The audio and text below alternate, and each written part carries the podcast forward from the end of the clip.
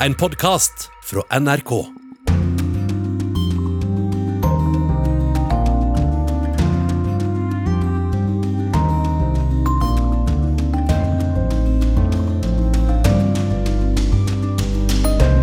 Brexit-forhandlerne har tatt en pause. Hva skal det være godt for når det bare er uker igjen til Storbritannia er ute av EU? Ukas heftigste historie står en ungarsk politiker for. Den kristne konservative grunnlova ble skriven av en mann som prøvde å rømme fra politiet med narkotika i lomma ved å fire seg ned fra ei takrenne fra ei sexorgie midt under en pandemi-lockdown. De rike tar abort, de fattige dør. Det er et kjent uttrykk i Argentina. Nå diskuterer de folkevalgte for niende gang abortloven i landet. You will marry a boy I choose. I don't think I ever want to get married. India fikk denne uken en ny lov mot såkalt love jihad. En lov som forbyr noen å presse andre til å bytte religion. I Sverige er det over 7000 døde av korona så langt. Her er den svenske statsministeren sin trøst. Når vaksineringen setter i gang, så kommer det å være gratis for den som tar vaksinet. Ukas korrespondentbrev tar deg med til en mongolsk minoritet i Kina som kjemper for sitt språk og sin identitet. Mens podkasten vår Krig og fred titter inn i Det hvite hus og finner bl.a. en gitarspillende utenriksminister og en krokodille i badekaret. Urix på lørdag med Anja Strønen i studio. Først i sendingen så skal vi til Storbritannia, hvor vi har med oss korrespondent Øyvind Nyborg og i Brussel korrespondent Simen Ekern. Og først, hvor var dere fredag morgen 24.6.2016, Øyvind? Jeg var sikkert på jobb den uh, morgenen. og Jeg kan huske jeg var litt i, i sjokk og forsto ikke helt hvorfor folk valgte brexit. Og jeg har brukt nå de siste tre og et halvt åra på å finne grunn og tro nå at jeg er nærmere et svar. Men husker også at jeg lurte intenst på hva det var egentlig David Cameron holdt på med. Simen, husker du hvor du var?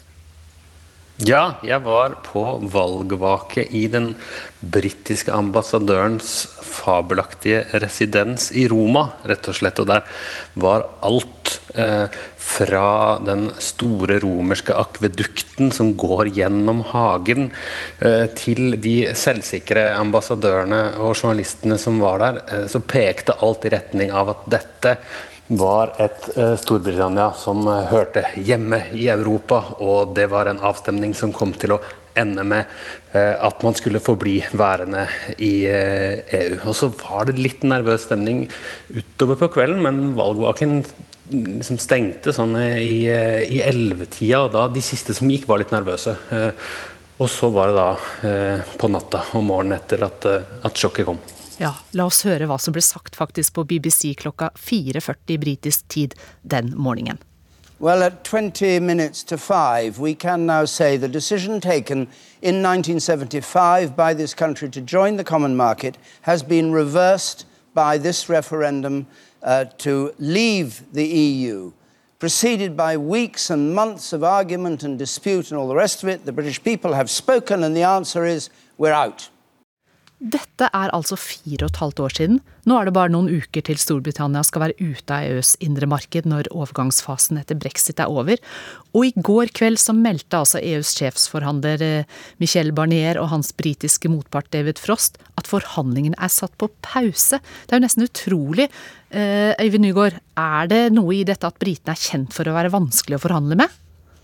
Ja, eh, Det står veldig mye på spill for britene nå. I bunn og grunn så tror jeg det handler mye om å ikke bli rammet dobbelt. Britene er jo allerede nå nede i sin verste økonomiske nedtur på 300 år. Og brexit kommer til å gjøre dette 6% verre, ytterligere 2% hvis ikke det blir eh, enighet om noen avtale. Men det spilles også nå en del politisk eh, teater, for eh, det som skjer nå er nøye regissert. Byråkratene sier at nå har vi kjempet alt vi har kunnet, nå må det politiske kompromisser til på slutten for å, å komme i havn.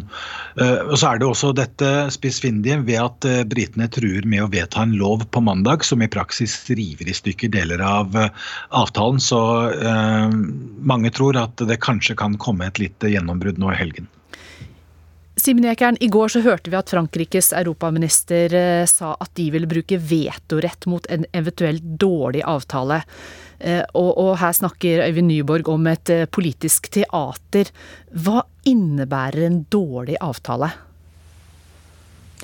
For Frankrikes del så handler det ganske mye om fisk. Frankrike er jo et av de landene som er opptatt av den fiskeriavtalen. Franske statsministeren var nylig og besøkte forskjellige franske fiskelandsbyer på nordkysten og, og sa at livet kan komme til å bli annerledes eh, fra, eh, fra 1.1. Man er nervøse for at forhandlerne i Brussel, eh, i tospann kanskje med Angela Merkel, som, som, som er den som virker mest opptatt av å inngå kompromisser for å få banket gjennom en avtale, så, så er det signaler da fra, fra, franske myndigheter om at vi godtar ikke hva som helst. Vi har lov til å eh, legge ned veto. Og det er naturligvis eh, en, en, grad av politisk teater, eh, kan vi tenke oss, da, i den uttalelsen også, men det er nok ikke helt uten rot i virkeligheten. Man vil passe på at ikke man binder seg til noe som, som viser seg å være veldig uheldig for, for Frankrike på lang sikt. Men har EU en plan om det ikke blir en avtale innen 31.12? Har man en plan B? Ja, man har en plan B. Man har jobbet med en plan B eh, en stund. Men det er nå eh, sånn at de siste dagene så er det flere medlemsland som mener at den planen må videreutvikles og uh, oppdateres. belgiske statsministeren sa det nå i slutten av november, og, og fikk støtte også fra Emmanuel Macron i, i Frankrike. Dette er også en del av et politisk spill, naturligvis, for å signalisere at man ikke tar for gitt at man kommer til en enighet. Men, men det er noen eh, land i EU som eh, blir eh, rammet hardere av at det ikke blir en avtale eh, enn andre. og Det er jo mange forskjellige interesser også innad i, i EU-landene. så Derfor så ser vi også litt forskjellige utspill fra de forskjellige eh, landene nå, nå i sluttfasen. Mange har Eh, egne interesser å forsvare og vil være sikre på at det ikke er de som blir sittende igjen med svarteper når, når eh, Boris Johnson eh, og, og, Ursula von der Leyen snakker i dag, eller når sjefsforhandlerne tar avgjørelser på vegne av alle medlemslandene. Ja, Øyvind Nyborg, I dag så skal britenes statsminister Boris Johnson snakke med EU-kommisjonens leder Ursula von der Leyen på telefon. Men hva kan komme ut av en slik telefonsamtale? Jeg håper er jo at uh, forhandlingene nå løftes opp på et såpass eh, høyt nivå at det skal komme et gjennombrudd. Men jeg tror det kan bli vanskelig. Dette med f.eks. subsidier det går jo rett inn i reglene for det indre marked, som er veldig hellig for Brussel. Og når det gjelder fisk, så må jo noen tape. Dette er et slags nullsumspill. og for at, alle, for at man skal komme i mål der, så må jo egentlig én eh, kom ut som taperen. Men fordelen her er at eh, begge parter ønsker seg veldig en avtale. Men så er det ting som som står igjen nå, da, som eh, også Ekern er inne på, eh, som, som er veldig ideologisk for britene. Dette som går på fisk. Brexit-kampen handlet jo veldig mye om å ta tilbake kontrollen med egne farvann. Og så, mener de jo også at EU ikke helt tar inn over seg at Storbritannia nå er et selvstendig land og ikke et underbruk av EU. For det, det, det vrir seg i magen på um, de Eh, særlig brexit-forkjemperne i det konservative partiet, når, de uh, får vite at det er EU-domstolen som skal uh, overvåke handelen og, dersom det, og, og da, dersom det blir noe bråk mellom partene, f.eks. om disse subsidiene. Takk til deg, Øyvind Nyborg fra London og Simen Ekern fra Brussel. Vil du forstå mer, så anbefaler jeg å lese på nrk.no, der Øyvind Nyborg har enkelt forklart hva det egentlig nå krangles om.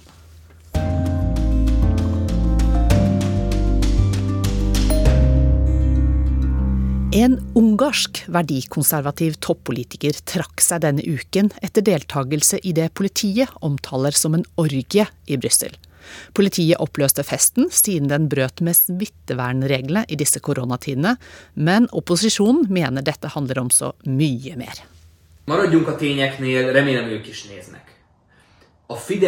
La oss holde oss til fakta. Den kristne konservative grunnlova ble skriven av en mann som prøvde å rømme fra politiet med narkotika i lomma ved å fire seg ned fra ei takrenne fra ei sexorgie midt under en pandemilockdown. Det sier lederen for det ungarske opposisjonspartiet Momentum, Andreas Fekete Gyår, som nå har fått ei god sak mot regjeringspartiet. 59 år gamle Josef Schayer har vært en viktig alliert til Viktor Orban, siden partiet Fidesz var ei studentrørsle på 80-tallet, og fienden var kommunismen. Siden den tid har Fidesz blitt forvandla til et høyreradikalt populistparti, som har gjort det til sin oppgave å forsvare kristne europeiske verdier. Og Scheier var en av arkitektene bak et parti som har slått ned på homofile sine retter i Ungarn.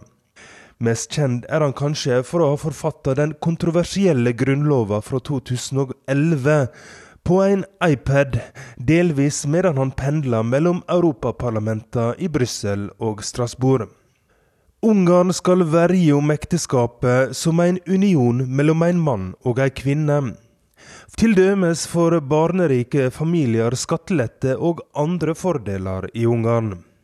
Så til denne såkalla sexorgien i Brussel. Verten var en 29 år gammel mann. Som har vært ganske åpen om at dette var fester der menn kom for å ha sex med andre menn. And uh, it's uh, guys, the for the, for. Han hevder også at Shayer ikke var alene fra det ungarske regjeringspartiet. Det er snakk om hele ni stykk og fire fra det polske Rett- og rettvisepartiet. En journalist prøver å preie ungarske regjeringspolitikere på gata i Budapest. Det går ikke lenge før han blir jaga av politiet. Fidesz er et politisk parti som er vant til å moralisere og kritisere det de kaller Europas liberale diktatur. Nylig skrev Fidesz støttespiller og museumsdirektør Demeter Gillard en kronikk der han sammenlikna EUs nye rettsstatsmekanisme med holocaust. Mekanismen vil gjøre det mulig for EU å straffe brudd på demokratiske prinsipp litt mer effektivt enn før og er tydelig mynta på regjeringspartiene i Polen og Ungarn, som lenge har hatt sin egen definisjon av hva demokrati og rettsstat er for noe. De to landene har i retur trua med å blokkere EUs koronavirusredningspakke og budsjett. I regjeringskontrollerte ungarske og polske medier blir det derfor spekulert i om sexorgien i Brussel var ei felle iscenesett av lyssky europeiske etterretningsagenter. Til og med flere opposisjonsaviser mener dette, for det har nok visst vært kjent siden 80-tallet at Scheyer var homofil. Bildet av at han firer seg ned ei takrenne, blir nå trykt på T-skjorter og kaffekopper i Ungarn.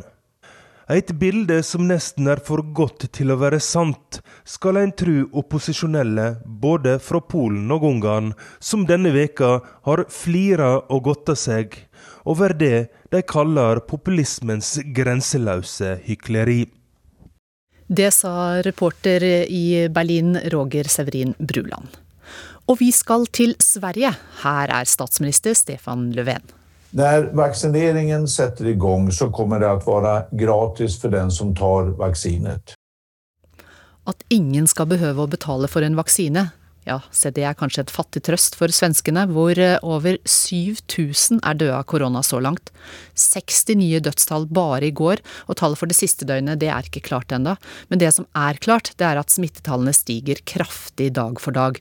Reporter Joakim Reigstad, du har akkurat kommet hjem fra Sverige, hvor du har sett på utviklingen. Hvordan beskriver folk i Sverige det som nå skjer i landet deres? Ja, det er jo en stor grad av bekymring eh, blant folk. Selvfølgelig så er man også lei av koronatiltak. Man er lei av å leve under ja, skal vi si koronaens eh, litt klamme grep som man har gjort nå i hele verden i ni måneder. Og så ser man jo da i Sverige også nå fram mot muligens å få en vaksine, men før den tid så er det mange som er bekymret for hva kommer til å skje med julen, når familier og venner skal møtes og man kanskje skal reise igjen. Så det er jo ikke, akkurat her er ikke Norge og Sverige så forskjellige. Du snakket med sjeflegen på Karolinska sykehus i Stockholm, og hvordan beskrev han situasjonen? Der, der er det jo virkelig et problem i eh, Sverige. For eh, Rundt 2000 mennesker ligger nå på sykehus, 250 av disse på intensivavdeling. Ved Karolinska, som er det nest største sykehuset i Sverige, og det største i Stockholm, suverent største, så har de nå så mye press på intensivavdelingen at legen sa at de ja, klarte kanskje å holde ut en måned eller to til, før det rett og slett kollapset. De har ikke mannskaper til å stå i dette lenger.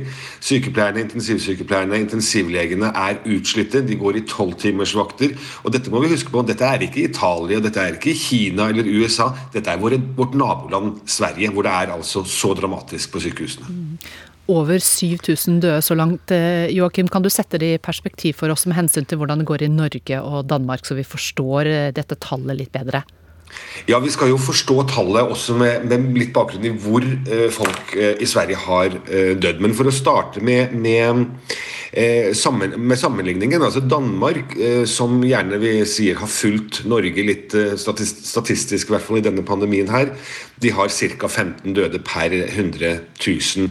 Norge ligger på halvparten av det, med ca. 7 døde per 100 000. Sverige runder nå 70 døde per 100 000. Så sammenlignet med Norge er det altså ti ganger så mange som har dødd. Og så er det en viktig årsak til det som vi ikke skal glemme, og det er at systemet systemet, altså eh, hvordan eldreomsorgen er organisert i Sverige og Norge er ganske forskjellig. I Norge er den langt mer profesjonalisert. Og ikke minst, Norge var også tidligere ute med strenge tiltak på alders- og sykehjem, slik at man f.eks.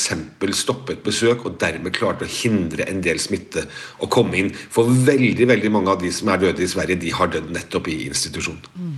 Men hva gjør svenskene nå da for å få bukt med situasjonen?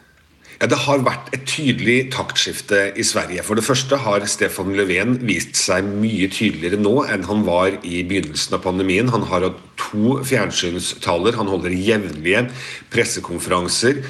Og eh, Anders Tegnell, som gjerne var den fremste talspersonen tidligere, altså i våres, i mars-april og utover sommeren, han er ikke like tydelig lenger. For nå er det eh, viktig at Sverige kommer seg gjennom dette her til vaksinen kommer. Og Jeg ser en stor forskjell på Sverige nå og sammenlignet med, med i våres. Hvor f.eks. det er håndsprit ute på restaurantene, på, på, serveringsstedene, i butikkene. Hvor det er merket opp hvor man skal stå for å holde avstand. Man blir påminnet det på høyttaleranlegget på kjøpesenteret. Der var ikke Sverige i fjor. Nei, i fjor, hører du, i våres. Ehm, og i tillegg så har man jo da innskrenket alkoholserveringen ganske betydelig også i Sverige, som man har gjort i Norge. Det har vært et taktskifte i koronahåndteringen i Sverige. Det er mulig det kom litt litt for sent. Takk til deg, reporter Joakim Reigstad.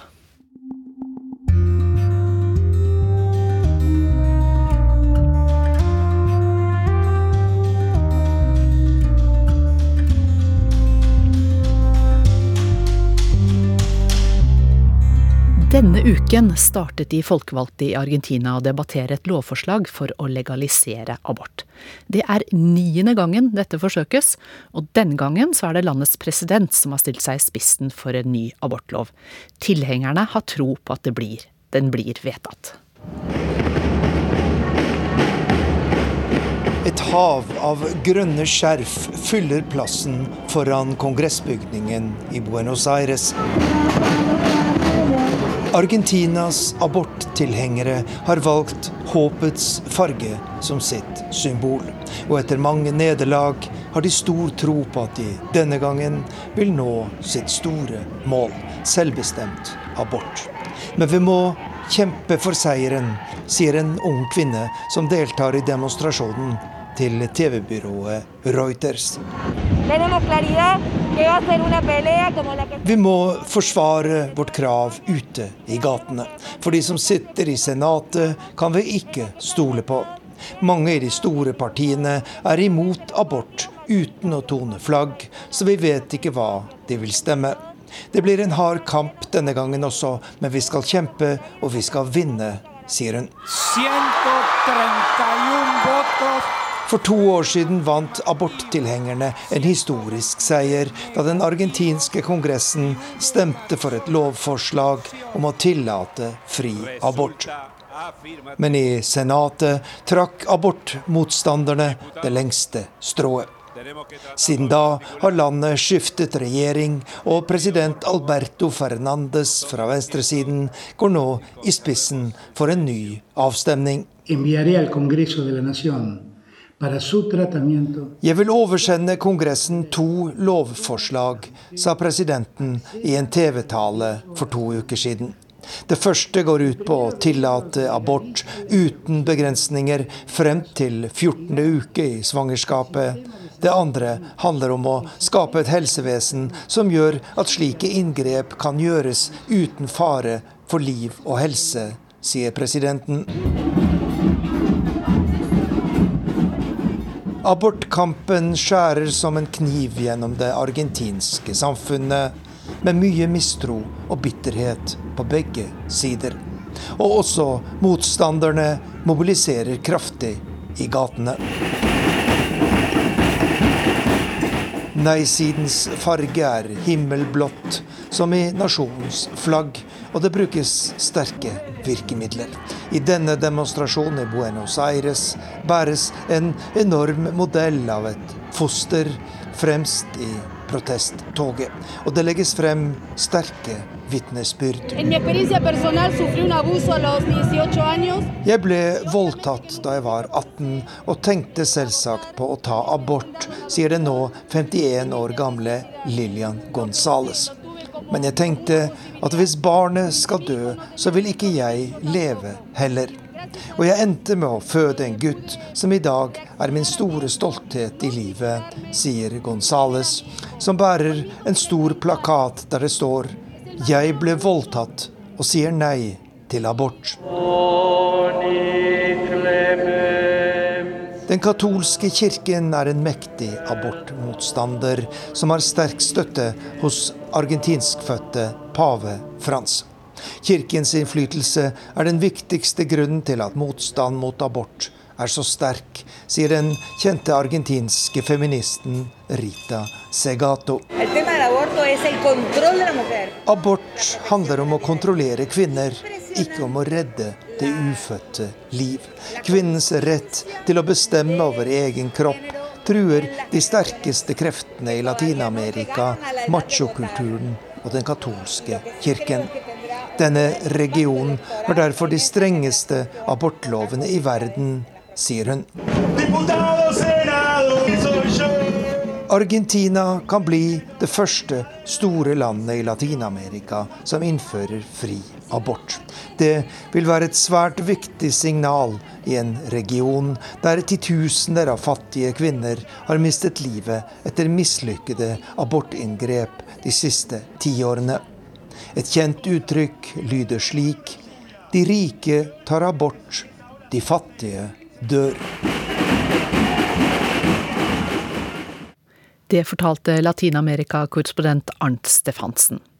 Så til India, som denne uken fikk en lov mot såkalt love jihad. En lov som forbyr noen å presse andre til å bytte religion. Nå reagerer mange av Indias rundt 200 millioner muslimer. For samme dag som loven trådte i kraft, ble en ung muslimsk mann arrestert, mistenkt for å ha forsøkt å presse en hinduistisk kvinne til å konvertere, forteller reporter Marit Kolberg. You will marry a boy I choose. I don't think I ever want to get married. Kjærlighetsforhold mellom hinduister og muslimer er kontroversielt i India. Da Netflix-versjonen av den kjente romanen 'En passende ung mann' av Vikram Seth viste et ungt par som kysset hverandre, raste kravene om boikott inn. I historien møter vi to unge. Han er muslim, og hun er hindu. Og de forelsker seg. At de to i filmen kysset hverandre foran et hindutempel, la ingen demper på de mange protestene. Men dette skjer ikke bare på film. Etter sigende skal et ungt par i Uttar Pradesh ha hatt et forhold, men der kvinnen til slutt endte med å gifte seg med en passende ung hindu. Nå er 21 år gamle Ahmed, hennes tidligere kjæreste, satt i fengsel. Han er anklaget for å ha forsøkt å presse henne til å konvertere til islam. Ifølge ny indisk lov er det straffbart.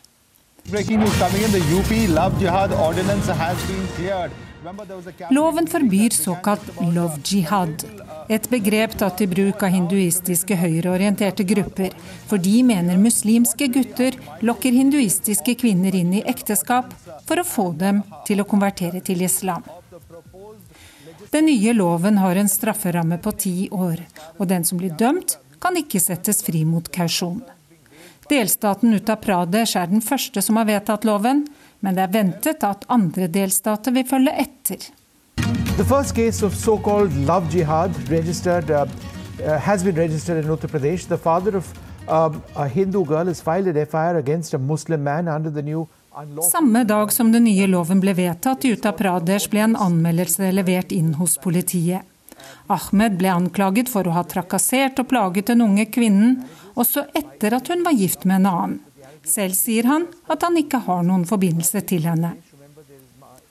Motsetningene mellom hinduister og muslimer i India har vært mange gjennom mange år, og de har ikke blitt færre. Det er seks år siden det sentrum-venstre-liberale kongresspartiet overlot makten til de høyreorienterte hindunasjonalistene i BGP. Under dette styret har landets mange millioner muslimer og andre minoriteter opplevd at hverdagen har blitt vanskeligere. Og mange muslimer sier de føler at de blir behandlet som annenrangs borgere. Opposisjonspartier i India klandrer regjeringspartiet BGP for å bruke begrepet kjærlighetsjihad for å splitte nasjonen. Uttar प्रदेश में high court ने ये टिप्पणी की थी कि जब इस देश के सर्वोच्च न्यायालय ने same sex Uttar Pradesh tillater at folk av samme kjønn gifter seg, men så vedtar de en slik lov. Det sier sosialistpartiets leder i delstaten, Sunil Yadav, til indisk TV. Tilhengerne av den nye loven sier den ikke forbyr konvertering, men sier den er skrevet for å beskytte dem som blir tvunget til det. Regjeringspartiet BGP har også tidligere fått kritikk for å vedta lover som diskriminerer muslimer. I fjor kom en ny lov som åpnet for at innvandrere fra Bangladesh, Pakistan og Afghanistan kunne få indisk statsborgerskap, men den gjaldt ikke for muslimer. Det fortalte altså Marit Kolberg. Ukens korrespondentbrev er postlagt langt borte hos en mongolsk minoritet i Kina som kjemper for sitt språk og sin identitet. Kjersti Strømmen tar oss med til Hohot nord i Kina. Dette kan vi ikke snakke om. Det får vi ikke. Beklager, sier studentene og springer ned trappene mot universitetet. Jeg ser det svarte håret til de unge mongolske kvinnene flagre over skuldrene, og tenker at svaret deres sier alt. Jeg er i Horhot nord i Kina for å se hvordan det står til etter uroa i høst. Da protesterte mange tusen studenter, elever, lærere og foreldre i store deler av indre Mongolia. De reagerer sterkt på at undervisning på mongolsk språk skal bli erstatta med kinesisk. Det er dette temaet de fire studentene ikke vil kommentere. De vil ikke si et eneste ord om hva de tenker om den nye læreplanen. Jeg klandrer dem ikke. Kinesiske styresmakter har ikke sansen for protester, og har tatt i bruk ulike metoder for å stanse opprøret. De sender inn politistyrker, minst 8000 personer skal ha blitt pågripne. Nå ligger isen i flekker på bakken, og jeg kjenner kulda på kroppen. Mongolene er et stolt folkeslag. De er etterkommere av Djengis Khan, kjent som den mektigste erobreren verden har sett. På det største strakk mongolriket seg fra Korea i øst til Polen i vest en tidligere herskerklasse, nå en kinesisk minoritet med stadig mindre den skal ha sagt. Brått dunker min kollega meg i armen og sier jeg skal se meg over skuldra. Vi har i prinsippet lov til å rapportere fritt i de fleste områder i Kina, men om det er sensitive temaer kan det fort bli mange hindringer på veien. Flere av våre kollegaer er blitt fotfølgde og eskorterte ut av Indre Mongolia denne høsten. En av dem ble dytta inn i arresten med kvelertak. Vaktene vi har sett stanser og snakker seg imellom. De kaster noen flere blikk mot oss, men så snur de ryggen til og går videre. Det er ikke en eneste sjel utenfor skolen vi når fram til, og vi trår derfor inn i en liten, men godt oppvarmet restaurant. Kvinner som driver restauranten serverer oss glovarm suppe med nudler og oksekjøtt. Jeg spør om hun kjenner til situasjonen for skolebarna, men nei, hun er heller ikke mongol, og hennes barn er voksne, så hun følger ikke så godt med. Etter hennes mening er det uansett viktig å lære språk. Jo flere språk, jo bedre for barn. Det gir dem perspektiv, mener hun. Vi sier takk for maten og hopper inn i en drosje for å se om vi finner flere skoler. Sjåføren spør oss om vi er kristne misjonærer, og når han parkerer er det med et Gud velsigne og halleluja. Vår neste drosjesjåfør forteller at han er fra den etniske minoriteten mancho, men at han aldri har lært sitt morsmål. Mansjurene er også en tidligere herskerklasse, men nå er språket deres utryddingstruga. Likevel er han ikke sentimental på egne vegne. Han ser nytten i at alle taler kinesisk, for det gjør kommunikasjonen lettere. Hans ord gir gjenklang i den offisielle forklaringa fra Kinas styresmakter. De mener at alle, uansett etnisk bakgrunn, må få den samme sjansen til suksess, og da er språket nøkkelen. Vi tar oss fram til Horhot mongolske skole, der det meste av undervisninga har vært på mongolsk. Elevene er på vei tilbake for lunsjpausen, butikkene langs fortauet selger smør til å ha i teen, og andre lokale godsaker. Vi spør oss fram forsiktig, vel vitende om at kampen for mongolsk språk i skolen er et sensitivt tema. En butikkeier sier at nei, her har det absolutt ikke vært noen protester i høst, det har vært fredelig som alltid. Etter hvert tar ei eldre dame kontakt. Hun har et strålende andlet og sorg i stemma. Jeg er mongol, og jeg er så stolt av det, men nå frykter jeg for framtida, sier hun. Bestemora forteller at hun vil at alt skal holde fram slik det har vært, de har vært mongoler i generasjon etter generasjon, og hun vil så gjerne at etterkommerne også skal være mongoler. Han-kineserne blir stadig flere her, snart har de tatt over alt og det blir ingenting igjen av oss, sier hun. Kvinner forteller at skolen var tom for elever en hel måned i høst. Foreldre nekta å sende ungene til undervisning, en stille protest. Elevene er tilbake på skolebenken nå, og den gamle kvinnen har akkurat sendt sitt barnebarn inn porten.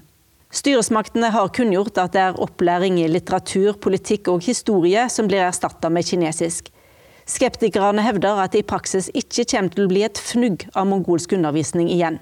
Det som skjer nå, er et kulturelt folkemord, sier Engebato Togochog på telefonen fra New York. Han er leder av menneskerettsorganisasjonen South Mongolian Human Rights Information Center og lever sjøl i eksil. Mange av mongolene som bor i nabolandet Mongolia, engasjerer seg også til ingen nytte. Kina skryter ofte av sitt flerkulturelle rike. Landets president oppfordrer alle de 56 ulike etniske gruppene til å omfavne hverandre tett, som kjernene i et granateple. Skallet på granateplet er utvilsomt hardt. Det gir ikke rom for å bryte ut eller ta for mye plass. De store anstrengelsene Kina gjør på dette området, tyder på at det ligger en frykt til grunn. En frykt for at granateplet skal eksplodere. Folk i områder som Tibet, Xinjiang og Indre Mongolia opplever at deres etniske identitet blir mer og mer utvaska. Dette skjer trass i at deres områder har vært lova mer selvråderett enn det provinser i Kina har hatt. Utenfor skolen i Horhot forteller to venninner at de som minoritet har hatt fortrinn når de søker seg til høyere utdanning. Nå blir det slutt på det, og de må konkurrere på lik linje med kinesere. Jentene er nervøse, og vi holder samtalen kort. Det er ikke en eneste politi eller vakt i sikte. Det tyder på at situasjonen ikke lenger er like betent, men vi vil ikke risikere at ungdommene havner i uføre for å snakke med oss. Noen unge menn er villige til å dele sitt syn på saka. En av dem forteller lågmælt at han var blant de første som brøt med protesten. Familien hadde ikke noe valg. Foreldra sine sjefer truga med å gi dem langt mindre interessante arbeidsoppgaver om de ikke sendte sønnen på skolen. Vitnesbyrdet stemmer med det som har skjedd i andre områder i Indre Mongolia. Foreldre er blitt advart. Om de velger å holde barna hjemme, vil de miste retten til å reise med fly og hurtigtog eller kjøpe fine bosteder. De risikerer å miste jobben og retten til sosialhjelp. Menneskerettsorganisasjonen i New York hevder at flere har tatt sitt eget liv i protest eller i fortviling i en umulig situasjon. Ungdommene utenfor skolen i Horhot forteller vi er mongoler, vi har det i blodet, og språket er selve rota i kulturen vår. Uten språket er ikke kulturen levedyktig, sier kameratene. De vil ikke ha all opplæring på kinesisk, men tror likevel ikke at de som minoritet når fram med protest. Derfor har de lagt en langsiktig plan. De gir ikke opp og svarer med et ungdommelig overmot. Vi må studere så godt vi bare kan, slik at vi får påvirkningskraft. Vi vil redde den mongolske minoriteten. Derfor må vi se til at reglene blir omgjort, slik at språket vårt kan bli akseptert i hele Kina. Når alle elevene for lengst har gått inn, ber min kollega og jeg om et intervju med skolen. Vi får avslag. Da vi rusler tilbake til togstasjonen, legger jeg merke til at mange veiskilt er pryda med både mongolsk og kinesisk skrift. Enn så lenge.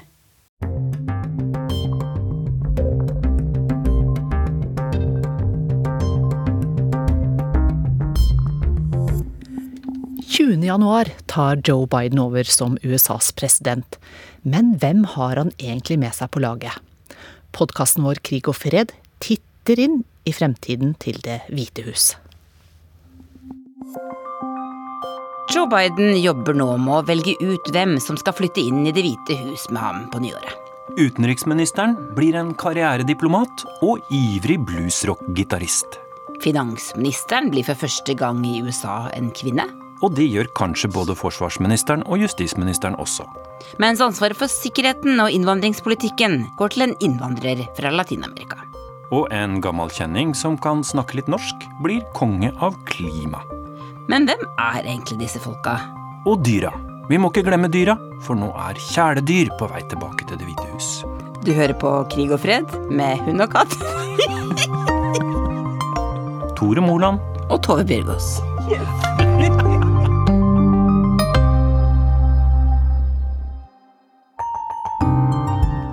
It's a team that reflects the fact that America is back, ready to lead the world, not retreat from it. Laget mitt er satt sammen for å vise at Amerika er tilbake og klar for å lede verden igjen, sier Joe Biden. Tove, hva slags team er det den påtroppende presidenten driver og setter sammen nå? Jeg tror det er ett ord som kan beskrive det teamet, og det er eh, establishment. Eller Sumpen, som eh, Donald Trump liker å kalle det. Dette er folk med veldig, veldig mye politisk og byråkratisk erfaring. Og mange mennesker som Joe Biden har kjent i flere tiår. Disse folka har gått på Harvard, de har gått på Princeton, de har gått på Yale. De har stort sett gått på Harvard. Karrierepolitikere som kjenner hverandre godt, kjenner Washington ut og inn.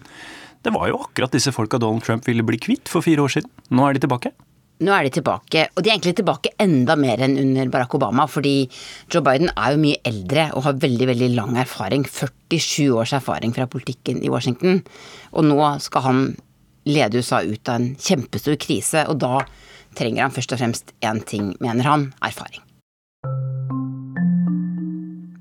La oss gå gjennom disse folka én etter én, Tove. Utenriksminister Tony Blinken. Anthony Blinken, eller Tony Blinken som han kaller seg selv, han eh, har vært viseutenriksminister tidligere under Barack Obama. Han er kjent for å være en virkelig internasjonalist. Han er opptatt av allianser, av FN, av store eh, internasjonale organisasjoner, at USA skal samarbeide med andre. Han er også litt en intervensjonist, mener noen. Han var bl.a. for eh, militæroperasjonen i Libya. han er glad i å gå til krig, rett og slett? Ja, han er i hvert fall mot at USA skal trekke disse soldatene ut av eh, Afghanistan. Og han er i hvert fall veldig imot at Donald Trump også ønsket å trappe ned hvor mange soldater USA har i Tyskland. Ja, hei. Jeg er Børge Brende. Jeg er nå leder World Economic Forum her i Genéve. Tidligere norsk utenriksminister. Riktig. Hva kan du si om Tony Blinken, da, som ser ut til å bli utenriksminister? Han er en uh, veldig uh, seriøs, hardtarbeidende. Uh, og han var jo arkitekten bak dette initiativet som Biden kom opp med i valgkampen. Denne alliansen for demokratier. Alliance of Democracies. Og han er opptatt av menneskerettigheter. Han er opptatt av at USA skal være en rollemodell eh, i så måte. At USA skal spille en aktiv rolle i å forsøke å skape en mer eh, inkluderende verden. Dette er seriøse, eh, dyktige folk. Børge Brende, du har kanskje reist mer enn de fleste av oss, og du har vært en hyppig gjest i Washington. Hvor mange ganger har du vært der, egentlig? Det vet jeg ikke. Kan du beskrive dynamikken eh, man møter i Det hvite hus for oss, som ikke har vært på innsida? Ja, Vi har jo alle sett eh, på TV fra West Wing og, og, og lignende serier. og det, det, det, er jo et helt spesielt uh, sted. Det er jo mye mindre enn man tror. Og folk sitter jo nærmest oppå hverandre. Det er vel bare presidenten og kanskje visepresidenten som har en viss størrelse på kontoret. Så du føler den politiske pulsen på en helt um, utrolig måte Eh. Og det er jo slik at USA fremdeles eh, utgjør 23% av den globale økonomi, har kanskje 40 av den militære slagkraften i verden. Så du føler jo at det er masse makt uh, i de kontorene, og de avgjørelsene som fattes der, får stor betydning ikke bare for USA, men også for um, resten av verden. I took a look around, nothing to see, but then I finally found somebody like me. Har du hørt den nye amerikanske utenriksministeren synge og spille gitar, Tove? Nei, men jeg har skjønt at på Spotify så kan man gjøre det. Tony Blinken han er glad i bluesrock, og på internett så sirkulerer det et par låter av ham under det halvmorsomme artistnavnet Abe Lincoln. Ja. Med gode diplomatiske titler som Patience og Lip Service. Blir han bedre som utenriksminister enn han er som rockestjerne? Han har veldig veldig mye erfaring, og folk jeg snakker med her hjemme, sier i hvert fall at han er en fyr som Norge liker. Som vi kjenner godt, som er opptatt av Europa. Han har jo bodd i Europa, han bodde altså i Frankrike store deler av barndommen. Og så har de jo kanskje slitt litt med sjølfølelsen i det amerikanske utenriksdepartementet, da det er noe å bygge opp igjen der? Ja, det amerikanske utenriksdepartementet har nesten ligget nede under Donald Trump. Han, han har kuttet uh, staben der etter hva jeg har skjønt med nesten 30% Veldig veldig mange diplomater i USA har, har, har uh, vært veldig bekymra for framtida, og jeg tror det er derfor Biden har valgt Tony Blinken. For han er en som kjenner dette departementet fra innsida, og, og som skal, skal, eh, bygge opp USAs rolle i verden igjen, rett og slett. Finansminister Janet Yellen? Janet Yellen hun er USAs tidligere sentralbanksjef. Hun har også vært eh, sjefen for president Obamas eh, økonomiske rådgiverråd, som er liksom rådgiveren hans for økonomi i Det hvite hus. Så hun blir nå den første, ikke bare den første kvinnen som finansminister, men den første amerikaneren som både altså har vært finansminister, sentralbanksjef og leder for dette rådet. En slags grand slam for amerikanske økonomer. Men hun er litt omstridt? Hun er litt omstridt. Hun eh, er opptatt av en ting som eh, amerikanske sentralbanksjefer ofte ikke har vært opptatt av, eh, nemlig ulikhet. Hun er også veldig veldig opptatt av arbeidsledighet. Det er det hun er mest opptatt av. Det skrev hun doktorgraden sin om i sin tid. Eh, så det blir spennende å se hvilken linje hun legger seg på. Denne finansministerposten er jo veldig, veldig viktig. Mens vi snakker om damer, både forsvarsministeren og justisministeren kan for første gang i USAs historie bli en kvinne denne gangen? Det er mulig, men begge de to er litt omstridte, så vi får se.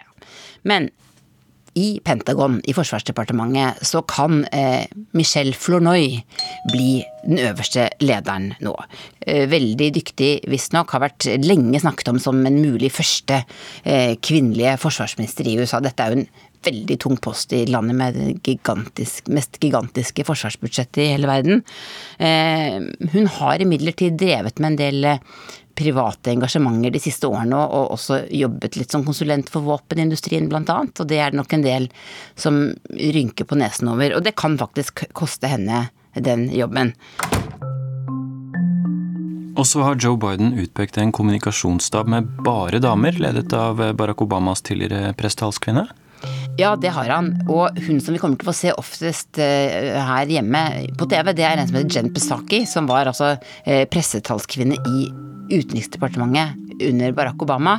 Nå blir hun pressetalspersonen. Jeg liker ikke det ordet pressetalskvinne. Ikke sant? Eh, nå blir Jen Psaki pressetalsperson i Det hvite hus. Og i den staben så vil vi også finne kampanjesjefen til Joe Biden, Kate Beddingfield og også en som heter Simone Sanders, eh, som har jobbet også faktisk for Bernie Sanders i sin tid, eh, da han stilte til valg i 2016. Men ellers er det ikke mange Bernie-folk som er på vei inn i denne administrasjonen? Nei. Et eh, stort problem, eller en utfordring her, det er jo spørsmålet hvor er venstresida i Det demokratiske partiet i denne lista som vi har fått fra, fra Joe Biden?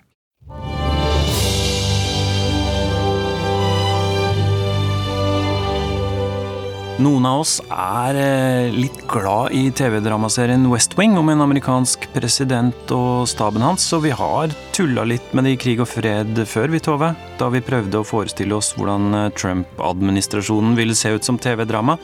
Og det ble litt av et drama, etter hva jeg kan huske.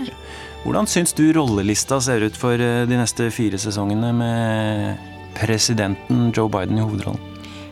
Altså, West Wing, eller presidenten med Trump i hovedrollen, ble jo eh, helt heseblesende. Det var jo helt utrolig hva slags persongalleri som var der. Dette blir jo liksom West Wing slik vi husker det med president Bartlett. Tror du ikke det? Litt sånn etablerte mennesker som snakker om eh, politikk og forhandler om ting i Kongressen. Men er de litt grå og kjedelige? Ja, de er jo det, og det er masse erfaring. Og det er veldig veldig mange eksempler på denne svingdøra i USA som går mellom eh, Det hvite hus, Kongressen, lobbyfirmaer, eh, store konsulentfirmaer som jobber for staten og store selskaper, og Wall Street. Eh, og så går de rundt og rundt i den døra. Så er det også eksempler på f.eks. utenriksminister Anthony Blinken som møtte sin nåværende kone da i Det hvite hus, der hun var taleskriver og han var rådgiver. Også en historie vi vel har sett i West Wing. So, what's next? We're done. Fantastic. Du, I TV-serien så har vi også lært at stabssjef i Det hvite hus det er en veldig viktig jobb. Mektig jobb. Og den jobben går nå til eh, Ron Klein. Hvem er han? Ron Klein er eh, en mann jeg ikke kjenner så godt til, men Joe Biden kjenner han veldig godt. For han har jobba med Biden i mange, mange, mange år. Både da han var visepresident og, og, og, tidligere. Eh, han ser ut som en som kanskje har brukt mye tid på kontoret og ikke så mye tid på treningsstudioet. Er det lov å si det? Men eh, han er en veldig, veldig erfaren eh, eh, byråkrat, rett og slett.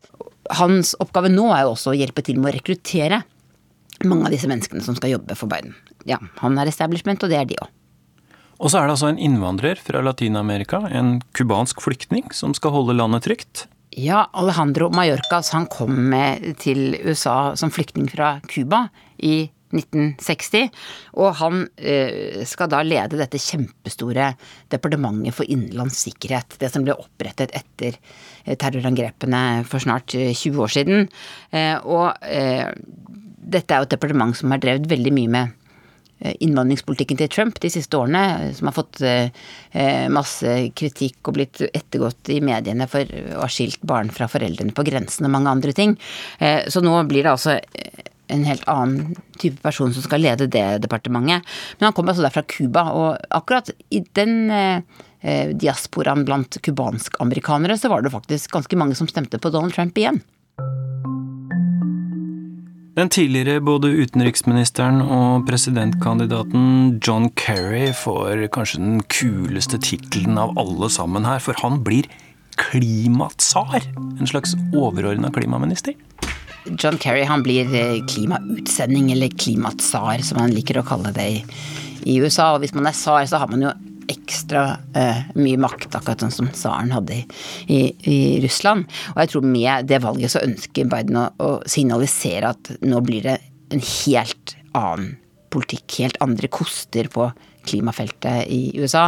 Nå skal USA inn igjen i Parisavtalen, der han har lovet at det er det første han skal gjøre når han setter seg ned i det ovale kontor eh, 21.1, blir det vel. Eh, og så eh, skal USA bli en leder i det internasjonale klimaarbeidet. Eh, og da eh, har han valgt en, en veldig, veldig kjent person til å lede det arbeidet. Jeg heter Espen Barth Eide. Jeg er stortingsrepresentant for Arbeiderpartiet. Jeg har tidligere vært utenriksminister og forsvarsminister og jobbet mye internasjonalt, bl.a. i FN som fredsmegler. Espen Barth Eide, du har vært i kontakt med John Kerry etter at han fikk denne jobben. Hva sa du til ham? Jeg har vært i kontakt med Kerry eh, flere ganger i det siste. Først gratulerte jeg etter at Biden vant, og sa at jeg var veldig glad for å se at demokraten var tilbake. Og så uttrykte jeg et håp om at vi ville se han, altså Kerry, i en sentral rolle. Og når det så ble klart at han ble den nye klimatsaren, som de kaller det, eh, så tok jeg kontakt igjen, og da svarte han umiddelbart at eh, han var glad for hilsen, og at eh, her har vi ingen tid å miste. Så på klimafronten er han faktisk en eh, vaskeekte klimaaktivist. Og det har han vært eh, egentlig siden før han ble utenrikspolitiker. Helt tilbake til hans studentdager på 60-tallet. Så var han med på de, de første store demonstrasjonene for miljø. Da. Det het jo ikke klima den gangen, men var veldig engasjert i, i, dette for altså over 50 år siden og hatt dette som en gjennomgående tråd. Så at han nå har fått en nøkkelplass i Det nasjonale sikkerhetsrådet og skal samordne hele administrasjonens arbeid med klima, det er Eh, både tror jeg det er som drømmejobben for Kerry nå. Jeg tror dette var mer interessant for han enn å bli utenriksminister en gang til, for dette er det han brenner for. Men også et veldig tydelig signal om at Biden ønsker å bli en klimapresident, altså som virkelig vil sette denne tross alt verdens viktigste utfordring veldig høyt på dagsorden. Jeg kan si uh, tusen takk, takk for det. Ja. Ja, jeg vil en med sjokolade. Og så snakker John Kerry faktisk litt norsk, noe vår kollega Jan Espen Kruse greide å få bekrefta tilbake under presidentvalget i 2004. I heard you know the phrase uh, 'jeg elsker deg'? Ja, jeg elsker deg and all that. Any old flames in Norway? No, unfortunately, I, I was not, you know, either old enough or successful enough. Faren til John Kerry var diplomat i Oslo på 1960-tallet, og han kan si både melkesjokolade og 'tusen takk og jeg elsker deg'. Det er ikke verst, bare det. ja.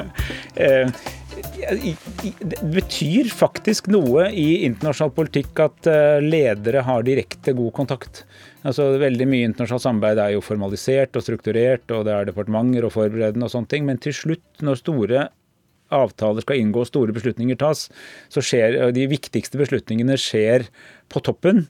Eh, og da er det å ha direkte adgang og direkte kontakt og liksom ha en forhåndsetablert kjemi faktisk eh, ikke ubetydelig. Så det tror jeg Norge vil kunne klare å utnytte. Joe Biden sjøl, hvordan vil du beskrive han? Eh, han er jovial. Han, er, han har den egenskapen som en del veldig gode amerikanske erfarne politikere har. at de du får i hvert fall inntrykk av at du er veldig viktig for dem. Kjenner igjen folk og, og, og, og, er veldig til stede når du snakker med dem, selv om det kan være en kort samtale. Og så har jeg merket meg at han er en som er litt sånn romslig med klokkeslett og sånn. Du kan ikke nødvendigvis regne med at han dukker opp akkurat når han skal, for han kanskje har stoppet og prata med noen på veien. og sånn, er liksom Litt den type person. I've long said that America leads not only by the example of our power, but by the power of our example. Tove, nå har Joe Biden akkurat fylt 78 år, og han har vært 50 år i politikken. Han kjenner jo alle. Hva slags folk er det han ser etter? Han ser tydeligvis etter folk med veldig mye erfaring og de berømte credentialsene, som man sier på engelsk. Hva heter egentlig det på norsk? Papirer fra fine universiteter og attester fra, fra både byråkratiet og, og politikken og, og, andre steder. Eh, Joe Biden selv har jo ikke gått på Harvard. Han gikk på University of Delaware, han. Gjorde det ikke så veldig bra heller? Nei, han fikk helt sånn Ja, han fikk C i de fleste fag, visstnok. Men nå eh, er det han som er sjefen, og, og, da ønsker han å ha med seg all den eh, erfaringen han kan få fra alle de menneskene han har møtt i, i Washington. Alle de som alle hadde bedre karakterer enn ham på universitetet? Ja, det kan virke litt sånn. Men hovedoverskriften her, når vi nå beveger oss inn i 2021 og en ny amerikansk administrasjon, er at dette blir business as usual, også. You're fired. You're fired. You're all fired. Tove, jeg har prøvd å telle hvor mange folk Donald Trump egentlig har gitt sparken i løpet av sin fire år lange snart presidentperiode. Det var litt vanskelig, men visstnok har da 90 91 av A-laget hans slutta eller fått sparken i løpet av denne tida. Blir det mer stabilt styre med Joe Biden i Det hvite hus? Helt sikkert. Jeg tror de eneste jeg kan komme på i farten som Donald Trump ikke har sparket, det er sin egen svigersønn, eh, Jared Kushner. Så er det den innvandringspolitiske rådgiveren hans Steven Miller som har skrevet mange av disse talene som har fått så mye oppmerksomhet. Og så er det finansminister Steven Mnuchin. Jeg er helt sikker på at laget til Biden kommer til å sitte trygt ganske lenge. Og det som er viktig for Biden nå, det er jo å komme i gang med jobben. Det er en kjempesvær oppgave som venter. Både å gjenoppbygge økonomien og kjempe mot pandemien. Og så er det jo det å forsøke å bevare amerikanernes tillit eh, mens man gjør det, og ikke bli oppfattet som bare liksom insider og, og maktmennesker. Ja, for der lurer jeg på, Nesten halvparten av velgerne i USA stemte jo da på Donald Trump, og enda flere er vel skeptiske til disse tradisjonelle karrierepolitikerne i Washington. Er det noen som helst grunn til å tro at Team Biden skal ta Amerika med storm, liksom? Nei, jeg tror egentlig ikke det han har jo selv en veldig sånn jovial tone. Altså Biden er jo en mann som kan snakke til alle typer mennesker. Let's just try to get along. Altså Kan vi ikke bare prøve å komme sammen og bli venner? Og, og jeg skal kjempe for dere som, som, stemte på Trump også. Men han sier det på en veldig folkelig måte. Eh, så, så, det blir spennende å se eh, hvordan han selv kommer til å opptre eh, foran dette laget. Og så er jeg veldig spent på å se hva som kommer til å skje i Det demokratiske partiet. Du har hørt Krig og fred fra NRK Urix. Lydregien var ved Lisbeth Sellereiten. Urix på lørdag er slutt for denne gangen. Teknisk ansvarlig Mari Janne Myrhold. Produsent Tom Ingebrigtsen. I studio Anja Strøn. Og husk, du kan høre Urix på lørdag som podkast når du vil, der du finner dine podkaster.